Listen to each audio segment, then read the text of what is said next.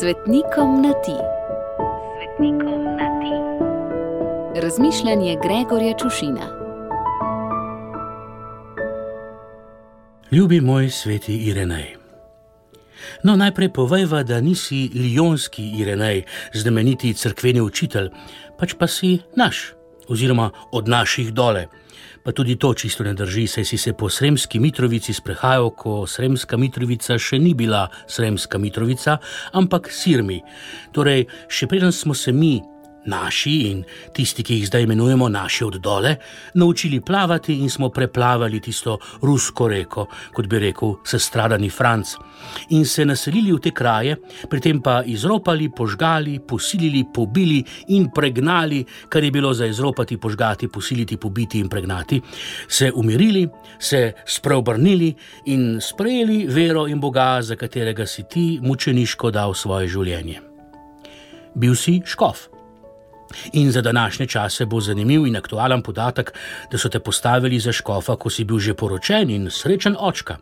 Je pa takoj potrebno povedati, da si, ko si v roke vzel pastirsko palico, zapustil ženo in otroke, jih prepustil skrbi svojih staršev, hvala Bogu za detke in babice, ter se vas posvetil Bogu in svoji novi službi.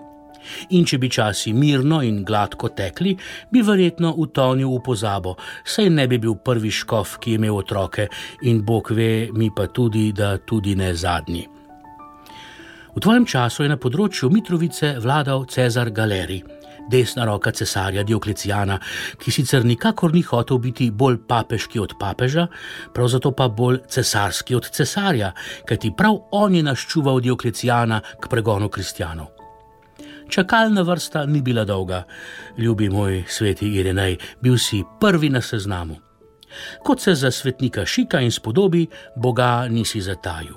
Niti takrat ne, ko so na sodišče pripeljali tvojo družino, ženo in otroke, ki so te prosili, da si ohraniš življenje.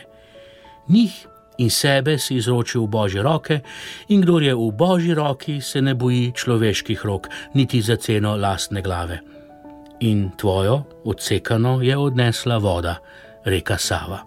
Zvestobo Bogu in obljubi celibata si plačal z lastno glavo, medtem ko si danes mnogi beljo glave, kdaj bo celibat odnesla voda. Ljubi moj sveti Irenej, obilo žegna za tvoj god, pa nam ga vrni in izli na nas. Gregor.